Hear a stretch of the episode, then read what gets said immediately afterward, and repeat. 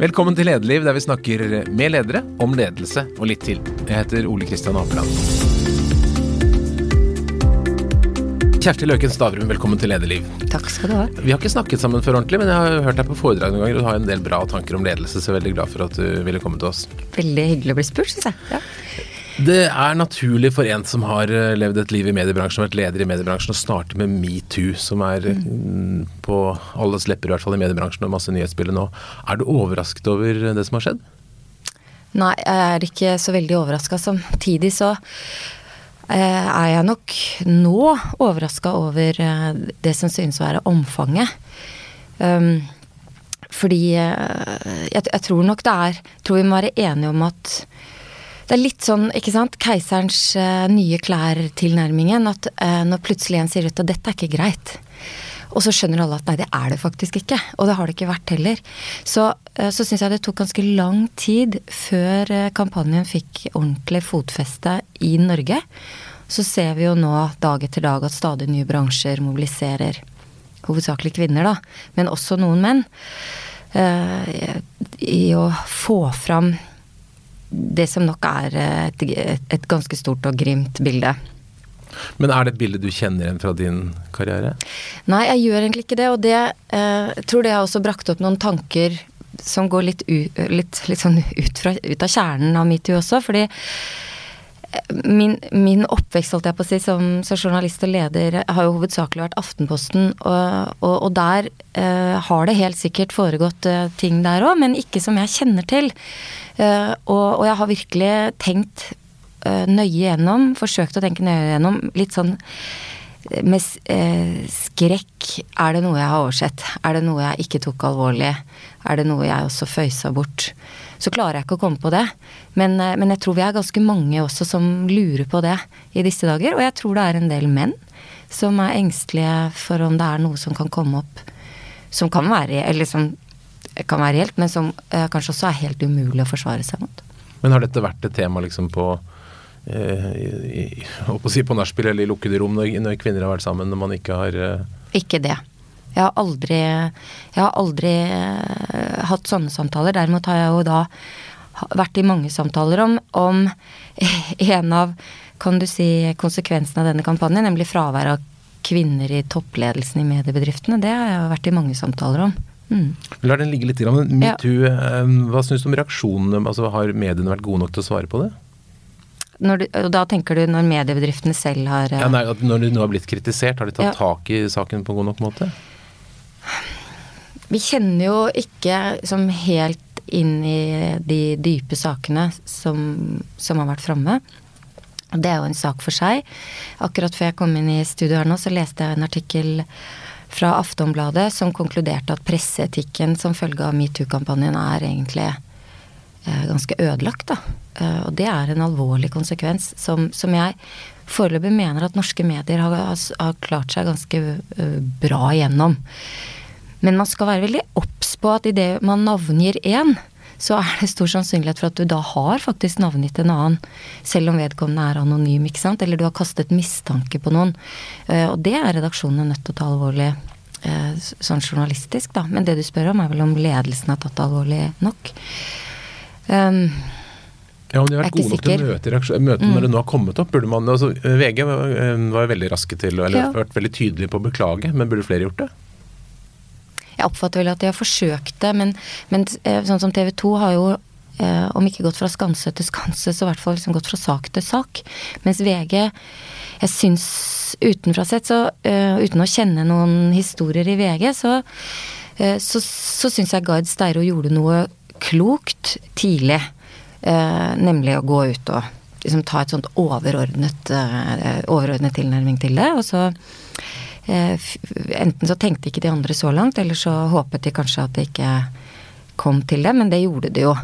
Eh, og hvis vi kan dvele bitte litt eh, ved TV 2, igjen utenfra sett, så så så vi jo der noe vi veldig sjelden ser nå til dags, nemlig Rune Inderøy, tidligere sentral medarbeider, som velger å tre fram.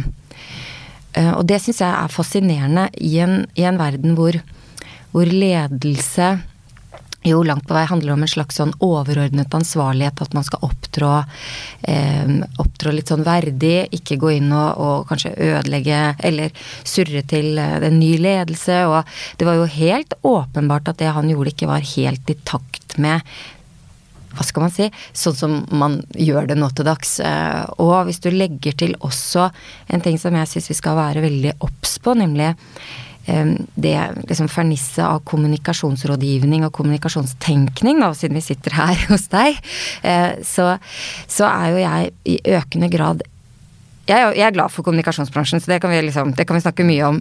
For den gjør mye bra og, og bidrar også bra, men, men etikken her er viktig. Eh, og det jeg i den situasjonen har vært redd for, er jo litt sånn velformulert unnfallenhet. Eh, men der syns jeg Rune Indre sto opp for sin egen samvittighet og bare liksom rista den biten av seg. Eh, og, og ble jo viktig, tror jeg. Så måtte han ta en støyt selv. Men, men jeg, jeg, håper egentlig at han, han en, at han i Norge da, får en, et, en, noen linjer i kapittelet om metoo. Mm. Mm. Jeg har inntrykk av at, uten at jeg kjenner så mange av sakene, så kan det ofte dreie seg om Eh, og det har vi sett fra film- og underholdningsbransjen at det er liksom eh, stjernene som har, som har, tatt seg litt til rette. og Som har mm. kanskje fått lov til og kanskje har en viss attraktivitet fordi de er stjernene osv.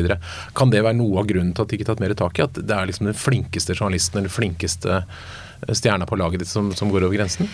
Ja, Jeg tror ikke det trenger å være liksom den flinkeste, men det, det jeg tror at eh, mange av disse bransjene har til felles, er jo det der at eh, synlighet eh, ødelegger eh, eller forstyrrer selvbildet ditt. At du, at du, tror at du forveksler deg selv med den anledningen du har til å eksponere deg. Og, eh, og da, kan man få, da kan man få en atferd som, som, er Hva skal man si? Eh, ikke, ikke, sånn som man ville opptrådt hvis man, hvis man bare hadde en plass i hjørnet, da. Mm. Eh, og, eh, og, jeg hører jo også at noen sier ikke sant, om noen av disse eksemplene at man var jo så flink, så dumt.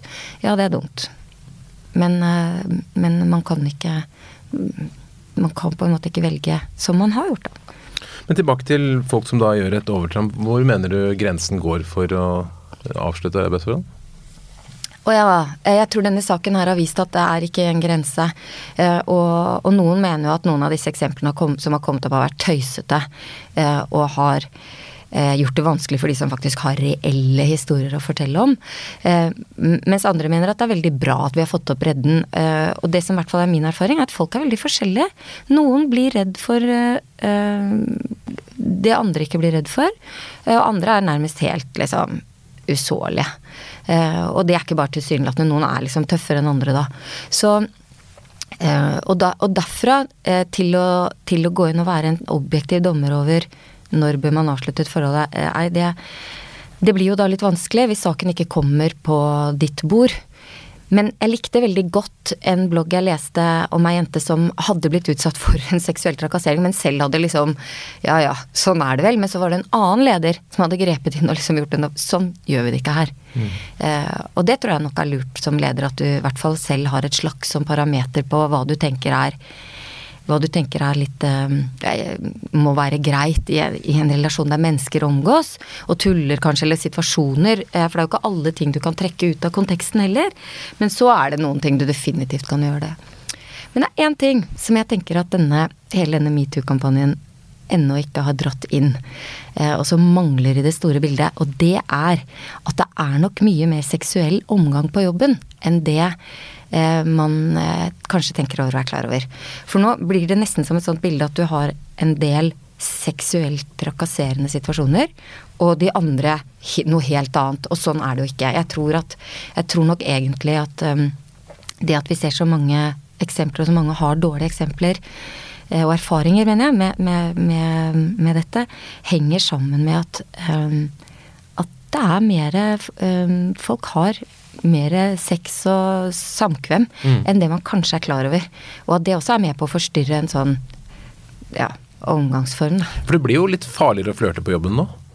Ja, men jeg syns vi skal være veldig varsomme med det uffa meg, nå blir det så vanskelig. Eh, det får man bare tenke at eh, hvis du mangler den sosiale intelligensen, så, så får du liksom bare ta deg i bolle, på en måte. Da, du, da, må, da, må, du håndtere det. Eh, men, men, samtidig så er det nok en periode nå litt litt tungt å tøyse med dette, eller en del av den gamle spøken. Sånn som jeg hørte en, nær venn av meg fortalte at en, en, godt voksen kvinne på jobben, hun hadde liksom, har i alle år sagt at at det å få litt sånn oppmerksomhet, at det har vært et frynsegode. Mm. Men det, og, det er jo under alle andre omstendigheter veldig morsomt, men akkurat nå så, så får ikke det noe Da flyr ikke sånn humor, egentlig. Det understreker at man må være flink til å sjekke av med dem man har ja. relasjon til, hvordan det tas opp. Ja, ja. Mm. Har du selv vært med å vurdere om du skulle avslutte arbeidsforholdet med noen som har tråkket over? Nei, ikke, ikke, på, ikke, på, Jeg har ikke hatt noen sånne saker, egentlig. Så selv om vi har hatt vanskelige saker, så ikke av den typen. Mm. Men et interessant spørsmål var, Det var nå en uh, person som var avskjediget uh, for da, et overtramp i et mediehus og begynte et annet sted. Mm. Og så var det stilt spørsmål med om ledelsen burde varslet de andre om at det var med den bakgrunnen. Hva tenker du om det? Mm. Det tenker jeg at det hører litt sammen med referans, det å gi referanser. Og at jeg tror en del arbeidsplasser og de som gir referanser, ikke er klar over hvilke plikter man har. Uh, og at man faktisk i mange situasjoner plikter å, å, gjøre oppmerksom på en del ting. Men hvis man det, ikke blir spurt, da? Hvis, man, altså, nei, ja, hvis, hvis du er leder et sted, så stjeler jeg din medarbeider, ja. så, eller får din medarbeider inn da han er kastet hos deg, og så tar jeg han inn hos meg. Mm. Burde du ringt og sagt at du Ja, altså det, eh, det tror jeg Da tror jeg jeg hadde litt sånn gått noen runder med meg selv og min egen samvittighet igjen. Ikke sant? Hva vil jeg Hvis, hvis Nå må vi liksom dra dette eksempelet ut og tenke bare tenkt eksempelet, at det var en medarbeider som faktisk hadde vært veldig problematisk og hadde en notorisk atferd, og, og går videre så, eh, så øh, håper jeg at jeg hadde tenkt at av hensyn til vedkommendes nye kolleger, så ville jeg eh, liksom hintet om det. Samtidig mener jeg at det er også veldig viktig øh, å huske at folk må få lov til å få en ny, en ny sjanse. Uh, og at, uh, at, det, at, vi er nok Vi kan alle komme ut og kjøre av ulike årsaker. Kan være alkohol, det kan være livskriser, altså mørkt sinn, hva vet jeg. Men, men, men, men, vi må ikke bli så intolerante at, det, at, det skal, at, det at man har trådt feil, skal innebære en slags sånn yrkesnekt for resten av livet, eller at man skal eh, ødelegge heller. Men øh, men det er vel like mye også en obs for nye arbeidsplasser at man må ta den referanserunden på alvor, da. Mm. Og sjekke ordentlig. Men hva kan man som leder gjøre for å skape en kultur som ikke dyrker altså, Eller som, som motvirker den type problemer? Ansette flere kvinnelige ledere, sier du? Ja. ja, men du vet det er litt morsomt, fordi uh, igjen tilbake til KK, som jo var en kvinnearbeidsplass. Naturlig nok. Der lærte jeg at mangfold er viktig. Mm. og der ansatte jeg uh, et par menn, og så hvilken enorm effekt det hadde på vårt stammespråk at de halve setningene vi ikke sant, Det er jo stammespråk blir liksom Du kan si halve setning, så skjønner alle hva du mener, og så, så ler man. Om ikke man sier hø, hø, så ler man liksom innforstått, da. Eh, men når vi da fikk, eh, fikk flere gutter inn, så må du liksom da må du stave det ut, og da hørte jeg innimellom hvor teit det var. Eh, og ble veldig glad for at vi, vi fikk liksom lufta litt ut, da. Så man ble mer eksplisitt. Så, så, så med den erfaringen så, så har, jeg, jeg har, jeg alltid ment at det er veldig bra med blanda miljøer. Eh, for da, da, da, står man bedre rusta mot liksom, helt usaklige og skadelige ukulturer. Eh, så er det også sånn, eh, etter å ha vært leder i mange år, så kommer du ikke unna det at alt begynner i toppen. Så hvis du som leder aksepterer eller uh, ser gjennom uh, fingrene med, eller uh, på annen måte oppmuntrer til, så, så, om ikke du møter deg selv i døra i dag, så gjør du det i morgen. Eh, og det er jo litt sånn sørgelig med noen av disse historiene her nå, at det, de svarte folk som ikke lenger har mulighet til å rydde opp etter seg, eller, eller som skulle ønske at jeg hadde tatt tak i det tidligere. Men Du har vært leder på ganske høyt nivå eh, flere steder. Har du noen gang opplevd at man i ledergruppen har tatt den samtalen uten at det har kommet et problem? Så har vi en bra atferd i forhold til våre ja, Nei, det har jeg ikke. Og, det er jo veldig fascinerende med dette. At det, som sagt, det er litt sånn, Jeg sammenlignet det med 'Keiserens nye klær' i stad. Et annet bilde som jeg eh, har tenkt på i denne sammenheng, er du, er på, du vet du er på sånn disko, og alle danser, og liksom, atferden er bare kjempenaturlig, og så kommer så er det slutt, så er lyset på. Oi. Og da, liksom, da fryser du til, og så kjenner du nei. Så piler du av gårde og føler at det du akkurat gjorde, det kan du ikke gjøre i dette lyset her. Sånn er dette. At det, det, har vært, det har liksom vært en del av eh, noe, da. Og så plutselig blir det helt feil. Tror du det skjer et skifte nå? Ja, det tror jeg. Og det tror jeg er flere årsaker til det. Eh, Jeg, eh, så, jeg leste en artikkel i New York Times i går hvor det var ei som, som da i den anledningen trakk frem en del kvinner eh, som har da valgt å stå frem i USA. Eh, Og så tenkte jeg at ja, det er jeg enig i, men jeg vil også takke noen menn nå. Eh, Og, og ikke minst alle de mennene som for min del, og mange med meg, eh, har bare vært ålreit som bare har vært seriøst støttende, seriøst profesjonelle, eh, aldri som på en måte har eh, gjort at du har slupp, sluppet å tenke den derre undertonen som, eh, som jo eh, trakassering fører til. Men etter hva jeg vet, så startet denne kampanjen da som en helt sånn eh, ekte grasrotgreie, som startet med, med enkeltpersoner. Eh, hvorfor kom det ikke som en gravesak fra et medium? Hvorfor var det ikke en, en, en, hvorfor var det ikke en redaksjon som dro den saken? Jo, men det var jo New York Times som begynte, eh, eh, og fikk tak i alle disse damene mm, mot Weinstein. Eh, og så, ja, var det deres initiativ? Ja. Eh, det er sånn jeg har oppfattet Ja. det, i hvert fall. Så det kan vi gjerne snakke om, for jeg mener virkelig at det er viktig at man husker på hvor sentralt eh, god journalistikk er i vår offentlige samtale. Men så er jo selve metoo-kampanjen blir jo da som en følge eh, av, av det, som jo var jo egentlig aldri ment som noe annet enn bare litt sånn jeg òg. Mm. Man trengte ikke egentlig å si noe mer, men jeg har også opplevd det. Men så var det jo mange historier som, som meldte seg på. og Eh, og jeg følte jo da det, det kom jo først i Sverige, hvis vi tar vårt nære, vårt nærområde, og, og fordi stiftelsen Tinius jo eh, er, en, er den største eieren i Schibsted, som igjen er Aftonbladet og, og Svenska Dagbladet, så så satt, var det heads up med en gang, fordi der ble det navngitt medarbeider i Aftonbladet, og da skjønte vi jo veldig raskt at dette kommer til å rulle. Er dette et problem for, for, for dere i forhold til deres mål om å bidra til uh, medier med høy kvalitet?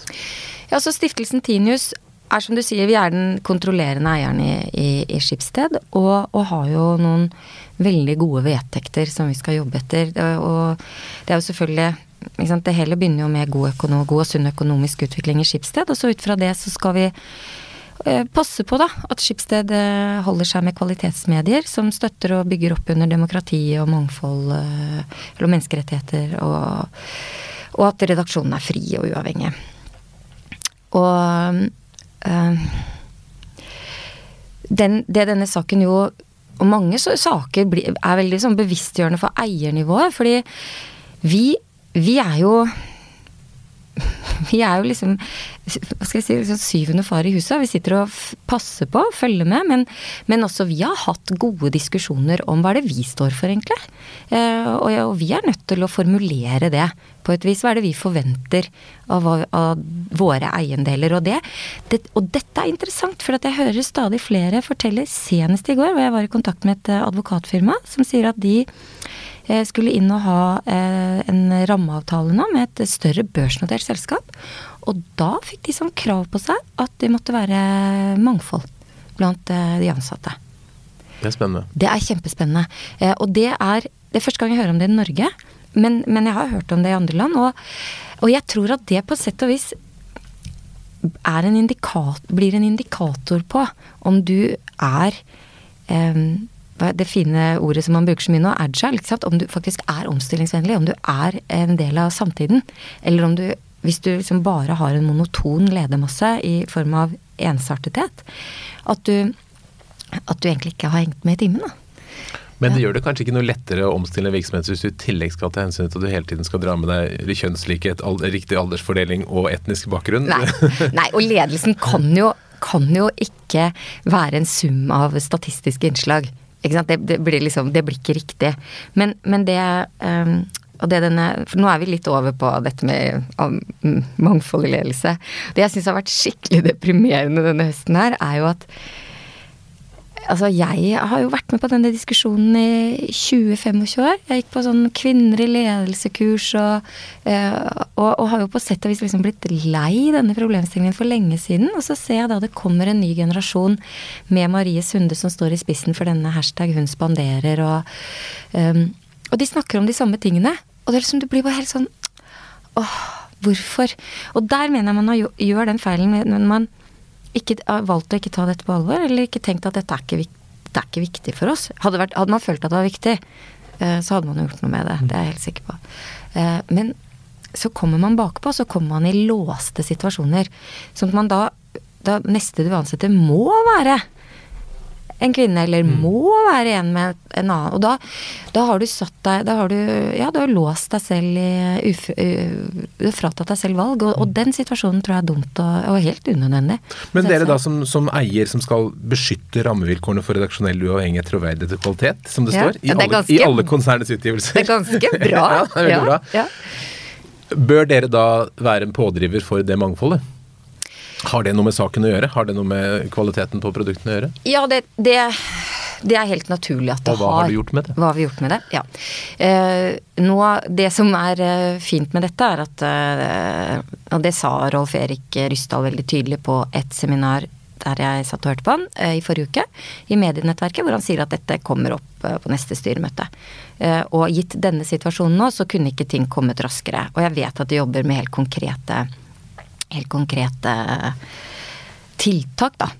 Uh, og, uh, og, vi for vår del, som jeg sa, vi er nødt til å liksom, også formulere for vår del hva er det helt konkret vi forventer å se i våre i, det, i våre eierskap, da.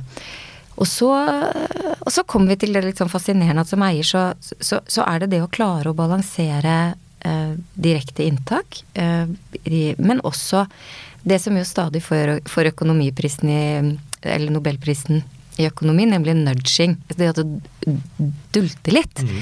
Så det, der er det mye bra jobb som kan gjøres, tror jeg, ved å dulte litt.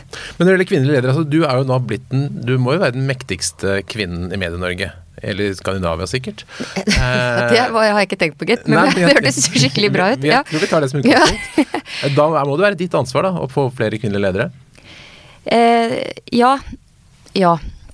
Eh, det er det veldig vanskelig å si eh, nei til. Eh, og, det er klart at vi Det vi må være opptatt av, er å forsikre oss om at alle talenter har en lik mulighet til å bli dyrka fram. Det er jo helt avgjørende. Og det er jo så spennende med den verden vi lever i nå, hvor Ikke sant? Og jeg mener jo kvinner eller du kan jo se meg, det kan jo ikke de som lytter, men liksom, jeg, er ikke, jeg, er jo ikke, mye mangfold, jeg, i forhold til deg. Vi er ikke så veldig ulike alder, vi har omtrent samme bakgrunn, vi snakker på samme måte. Ikke ulik utdannelse, antar jeg heller. Eh, så, så det, som, det, som, er sørgelig med den samtalen vi har nå, er at kvinner er jo ikke noe mangfold. Eh, så, så vi var liksom gårsdagens problem, som ennå ikke er løst. Men så, eh, nå har vi jo helt andre utfordringer, nemlig det å forstå hvilken kompetanse du faktisk ikke har.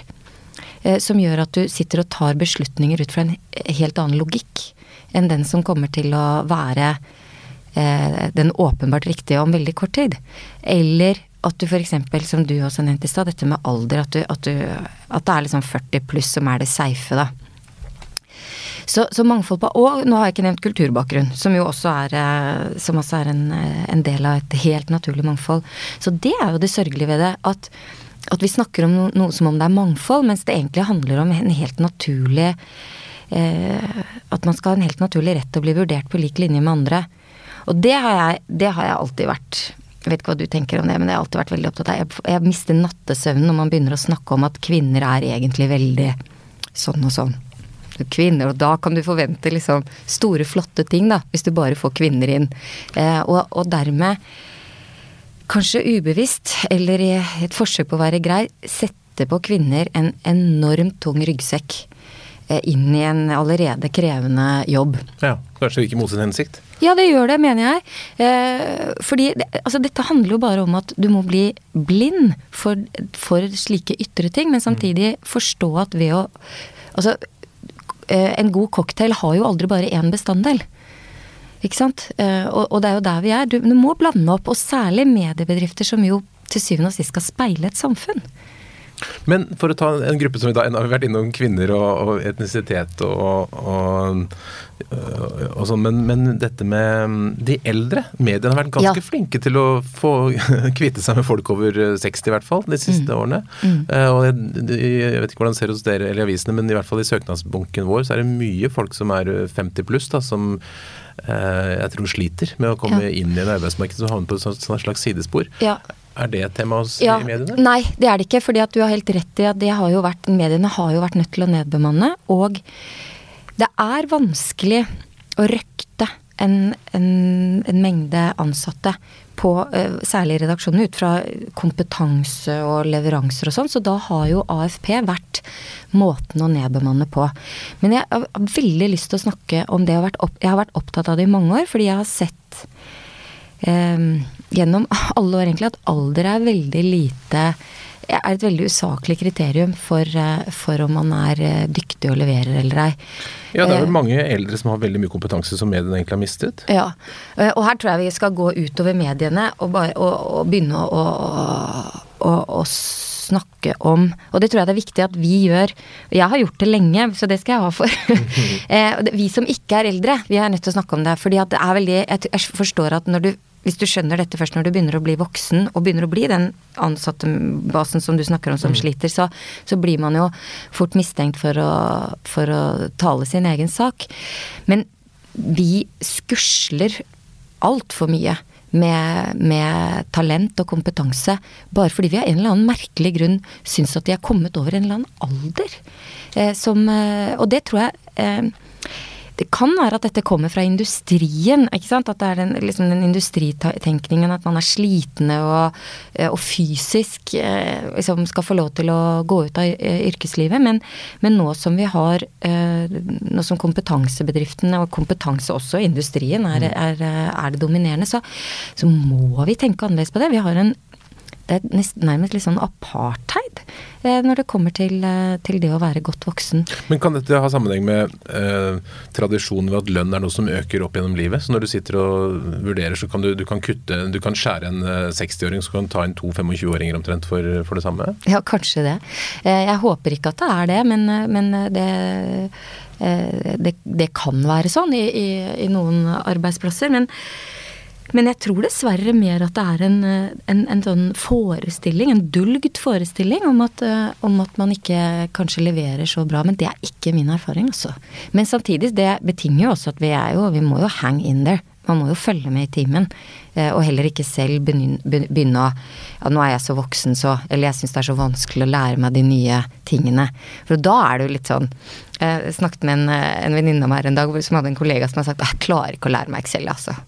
Og til slutt så hadde hun bare liksom sagt nå må du slutte med det. Nå må du lære deg selv. Jeg skal, jeg, gidde, jeg skal gidde å bruke noen få timer på det. Så må du lære deg det sjøl, for det her går ikke. Litt sånn ikke akseptere heller, da. At man, at man tillater seg å slippe taket i uh, progresjonen. Men innen media så er det mange som har vært utrolig flinke til å omstille seg uh, i de siste årene? Ja. Mediebransjen jeg, Ikke bare bedrifter, altså, men på individnivå? Ja, ja, ja. ja ikke sant. Og jeg er helt enig. Og det jeg vet at arbeidslivsforskere i mange år har, har brukt mediebransjen som en markørbransje. Og, og, jeg tror mange gjør lurt Man gjør lurt i å um, de som ikke er i mediebransjen, bør studere, følge, snakke med hva er det mediebransjen har gjort, øh, hvilke erfaringer har de, og hva har skjedd med mediebransjen. For det treffer på alle nivå. Eh, både digitaliseringen, som man jo har stått veldig godt igjennom, det må vi bare være enige om. Vi lever jo Vi er jo en veldig digital gjeng her i Norge. Og mediene er digitalisert av høy kvalitet på, på både de digitale produktene som sådan, og, og også innholdet.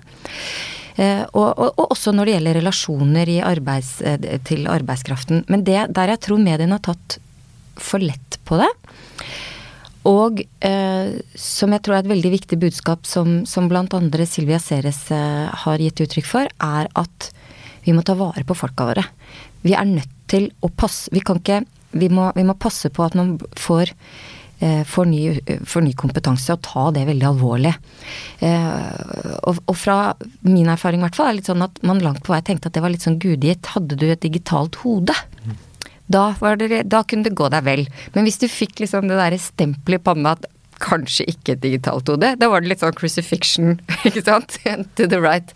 Eh, eh, som i Life of Brian-filmen. Men eh, og, eh, og, det blir for svakt, vet du. Så, sånn kan vi ikke holde på. Fordi at da fordi at da blir de som du da henter inn, de nye, de blir også utdatert eh, om kort tid hvis ikke du har en god plan for, eh, for å fylle på med kompetanse. Så det er eh, Jeg syns det, det, forslaget som, som, har vært oppe litt her og der, med å kopiere ideen om skattefunn og lage kompetansefunn, gjør det fort.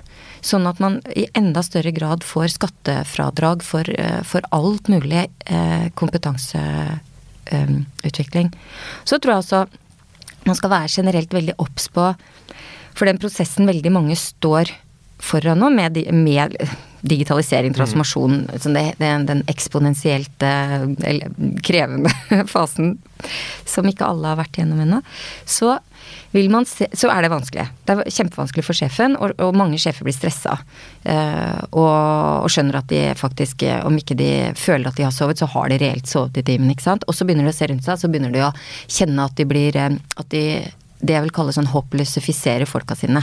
Her er det jo ingen som er flinke nok, ikke sant.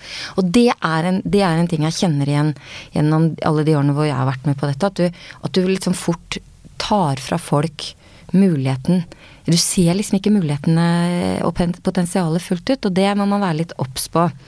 Eh, for det, det, det, tror jeg er en sånn eh, allmenn psykologisk eh, fare, da, mm. hos ledere. Og da får de skikkelig lyst til å ansette mange, mange nye. Og det er ikke feil å ansette en del nye, men, men jeg tror man skal også elske de man har. Men folk blir jo litt slitne av omstillingen når det går år etter år etter år med nye endringer og endringer. Hvordan skal en leder klare å opprettholde motivasjonen blant folket? Ja, det Uh, Jeg har uh, i likhet med deg sikkert gått på en haug av sånne lederkurs, og mange går inn i det ene øret. Jeg har vært på lederkurs og hørt deg si at du, vil ikke, du, du, blir irritert av folk som ber om å bli motivert. Ja, ikke sant. For da kom jeg til den historien, for det var en av de sånn eh, du sitter jo eh, innimellom igjen med liksom to-tre ting som, som, blir sånn lede, ledestjerner, da. Eh, og en av de er, eh, er det at du, du, klarer ikke å motivere folk. Og det tror jeg også det er veldig sunt at folk tar litt ansvar for selv. Jeg tror du kan, og skal ta, ha ambisjon om å inspirere dem. det må, for ellers så gir det jo ikke mening å være leder, egentlig. Uh, og også bli inspirert motsatt vei. Det å glede seg over Jeg får en enorm energi av å være som uh, sammen med folk. Så sånn sett så jobber jeg nå med litt for få, men eh, jeg er veldig glad i de jeg har. Eh, men uh, Men folk skriker ja. jo, men folk vil jo bli motivert. Ja. Hva er ditt svar på det, da? Jo, uh, det eh, skjønner jeg at de vil bli, men hvis de egentlig ikke blir motivert av det de gjør, eller hvis man må liksom dra, dra ut på fest og ballade for å bli motivert, så, så, da tenker jeg at da bør hver og en gå litt runde med seg selv og tenke at hvis jeg ikke Da er jeg kanskje på feil sted, eller gjør feil ting og burde gjøre noe annet. Mm. Så du mener motivasjonen må ligge i oppgaven i seg selv? Ja, det, det bør det absolutt gjøre. Da, da, det, det, dette er en personlig ting mellom deg og stillingsbeskrivelsen din. Mm. at, du, eh, at det er der motivasjonen hovedsakelig må ligge. Så er det klart, Du skal ikke ha noe demotiverende sjef heller, men det, blir, det, er ikke det vi snakker om nå. Det er mer litt sånn hvis du går rundt og forventer at lederen skal tenne lyset ditt hver dag, ikke gjør det. Og nå er vi sikkert også på de tingene som du da Du sier at du har noen ting du husker fra ledelse. Jeg har vært og hørt én ting til som du sier på, på foredrag, som handler om uh, vanskelige mennesker. Ja, ikke sant? ja, for deg, jeg kan si det, Da kan jeg få lov til å si den tredje etterpå også. um, Men eh, Nei. Eh, og det, også følte, det er jo fordi at sant, du hører det, så kjenner du at det er riktig. Og, og den, eh, den sayingen, for den var på engelsk, var, var, When it comes to difficult people, we have tried everything, and they just love it. Og det gjorde meg veldig obs på det at du sannsynligvis alltid vil ha noen som ikke er med på det. Eller du skal være veldig obs på, da. Og, og, og, som leder så blir du, kan du liksom da bli dratt i den retningen og bruke all energi på å prøve å prøve å dra i gang dem. Mens det er Du sitter jo alltid med Den største mengden er jo folk som er med. Som har lyst, som vil. Eh, og det er der energien og, dynamikken ligger. Og så kommer jo eh, Du får jo med de andre tenker jeg. Men, eh, men det i hvert fall være litt sånn obs på det at du og ja, hva med det, og hva med det, og hva med det? Og så blir du litt sånn Mister de som egentlig fortjener oppmerksomheten og kreftene dine, de, de får ikke det. Fordi du driver og løser noe som kanskje handler om noe annet også. Mm. Så hva skal man gjøre med de vanskelige, da? Jeg tror Ja. Og det, og det da må jeg også legge til at jeg er litt, jeg er litt var for å, å liksom sette sånne merkelapper på folk, fordi det er jo ingen som egentlig har lyst til å være vanskelig. Eh, og, og, det vil jeg også ha sagt gjennom alle de prosessene som jeg har vært med på.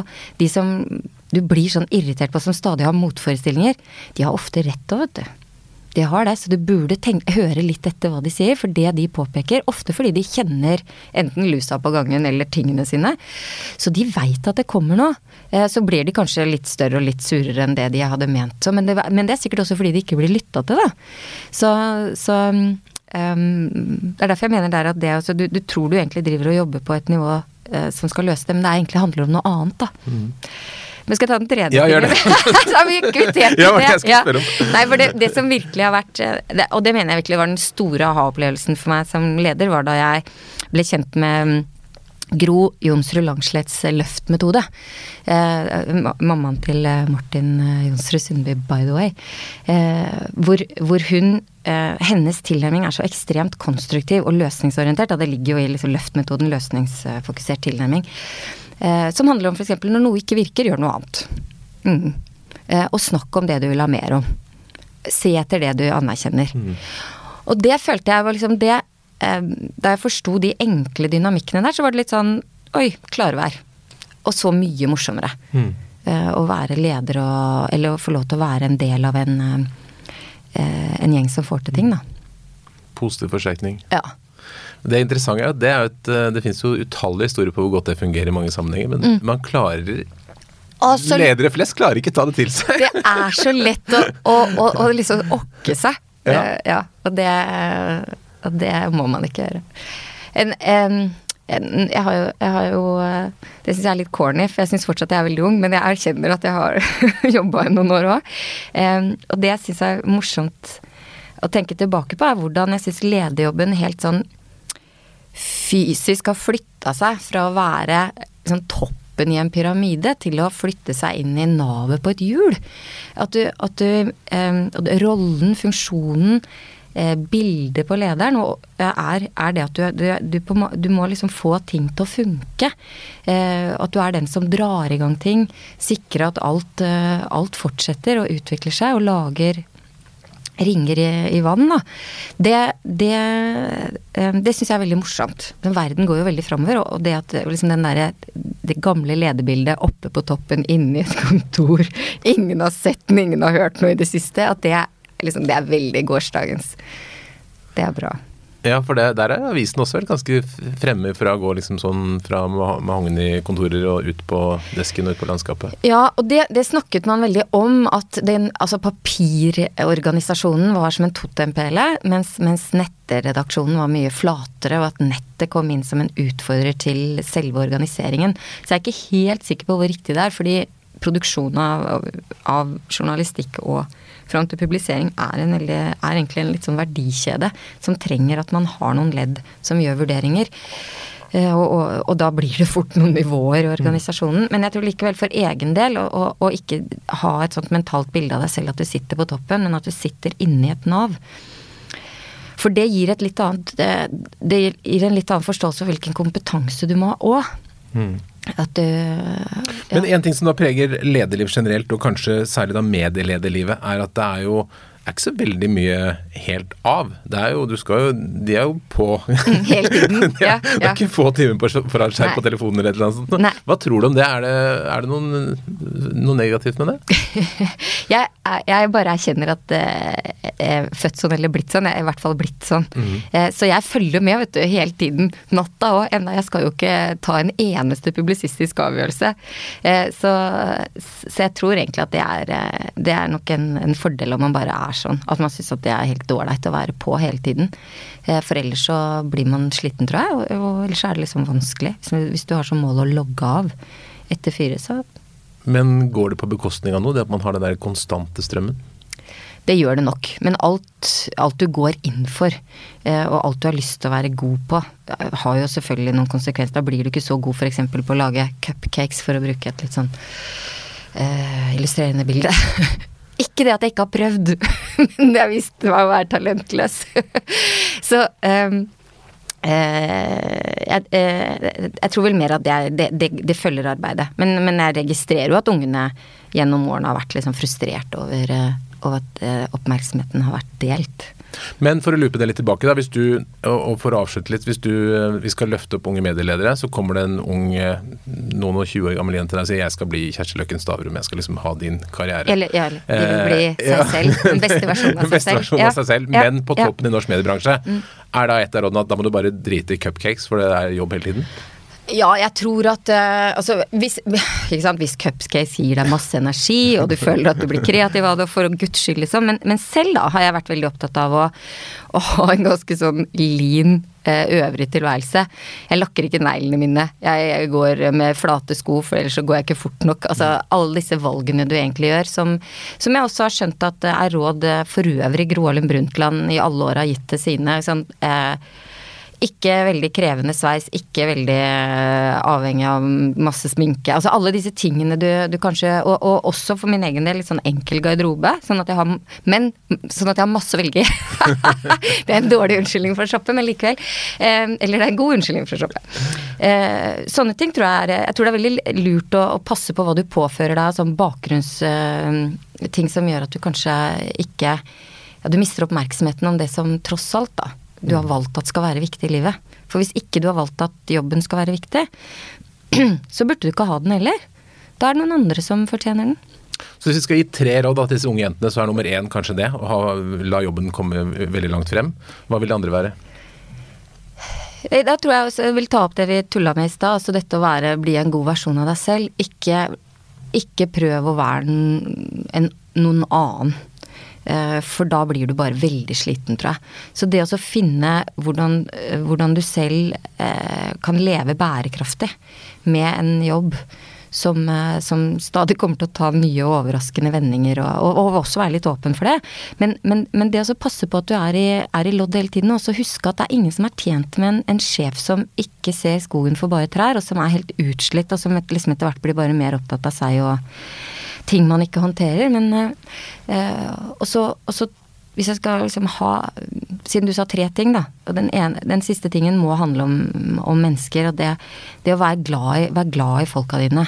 Eh, som du jobber sammen med. Eh, og, og, og glede deg over at de utvikler seg, og passe på at de får lov til å gjøre det. Og, eh, og at de, når det er vanskelig, la de få lov til å beholde verdigheten.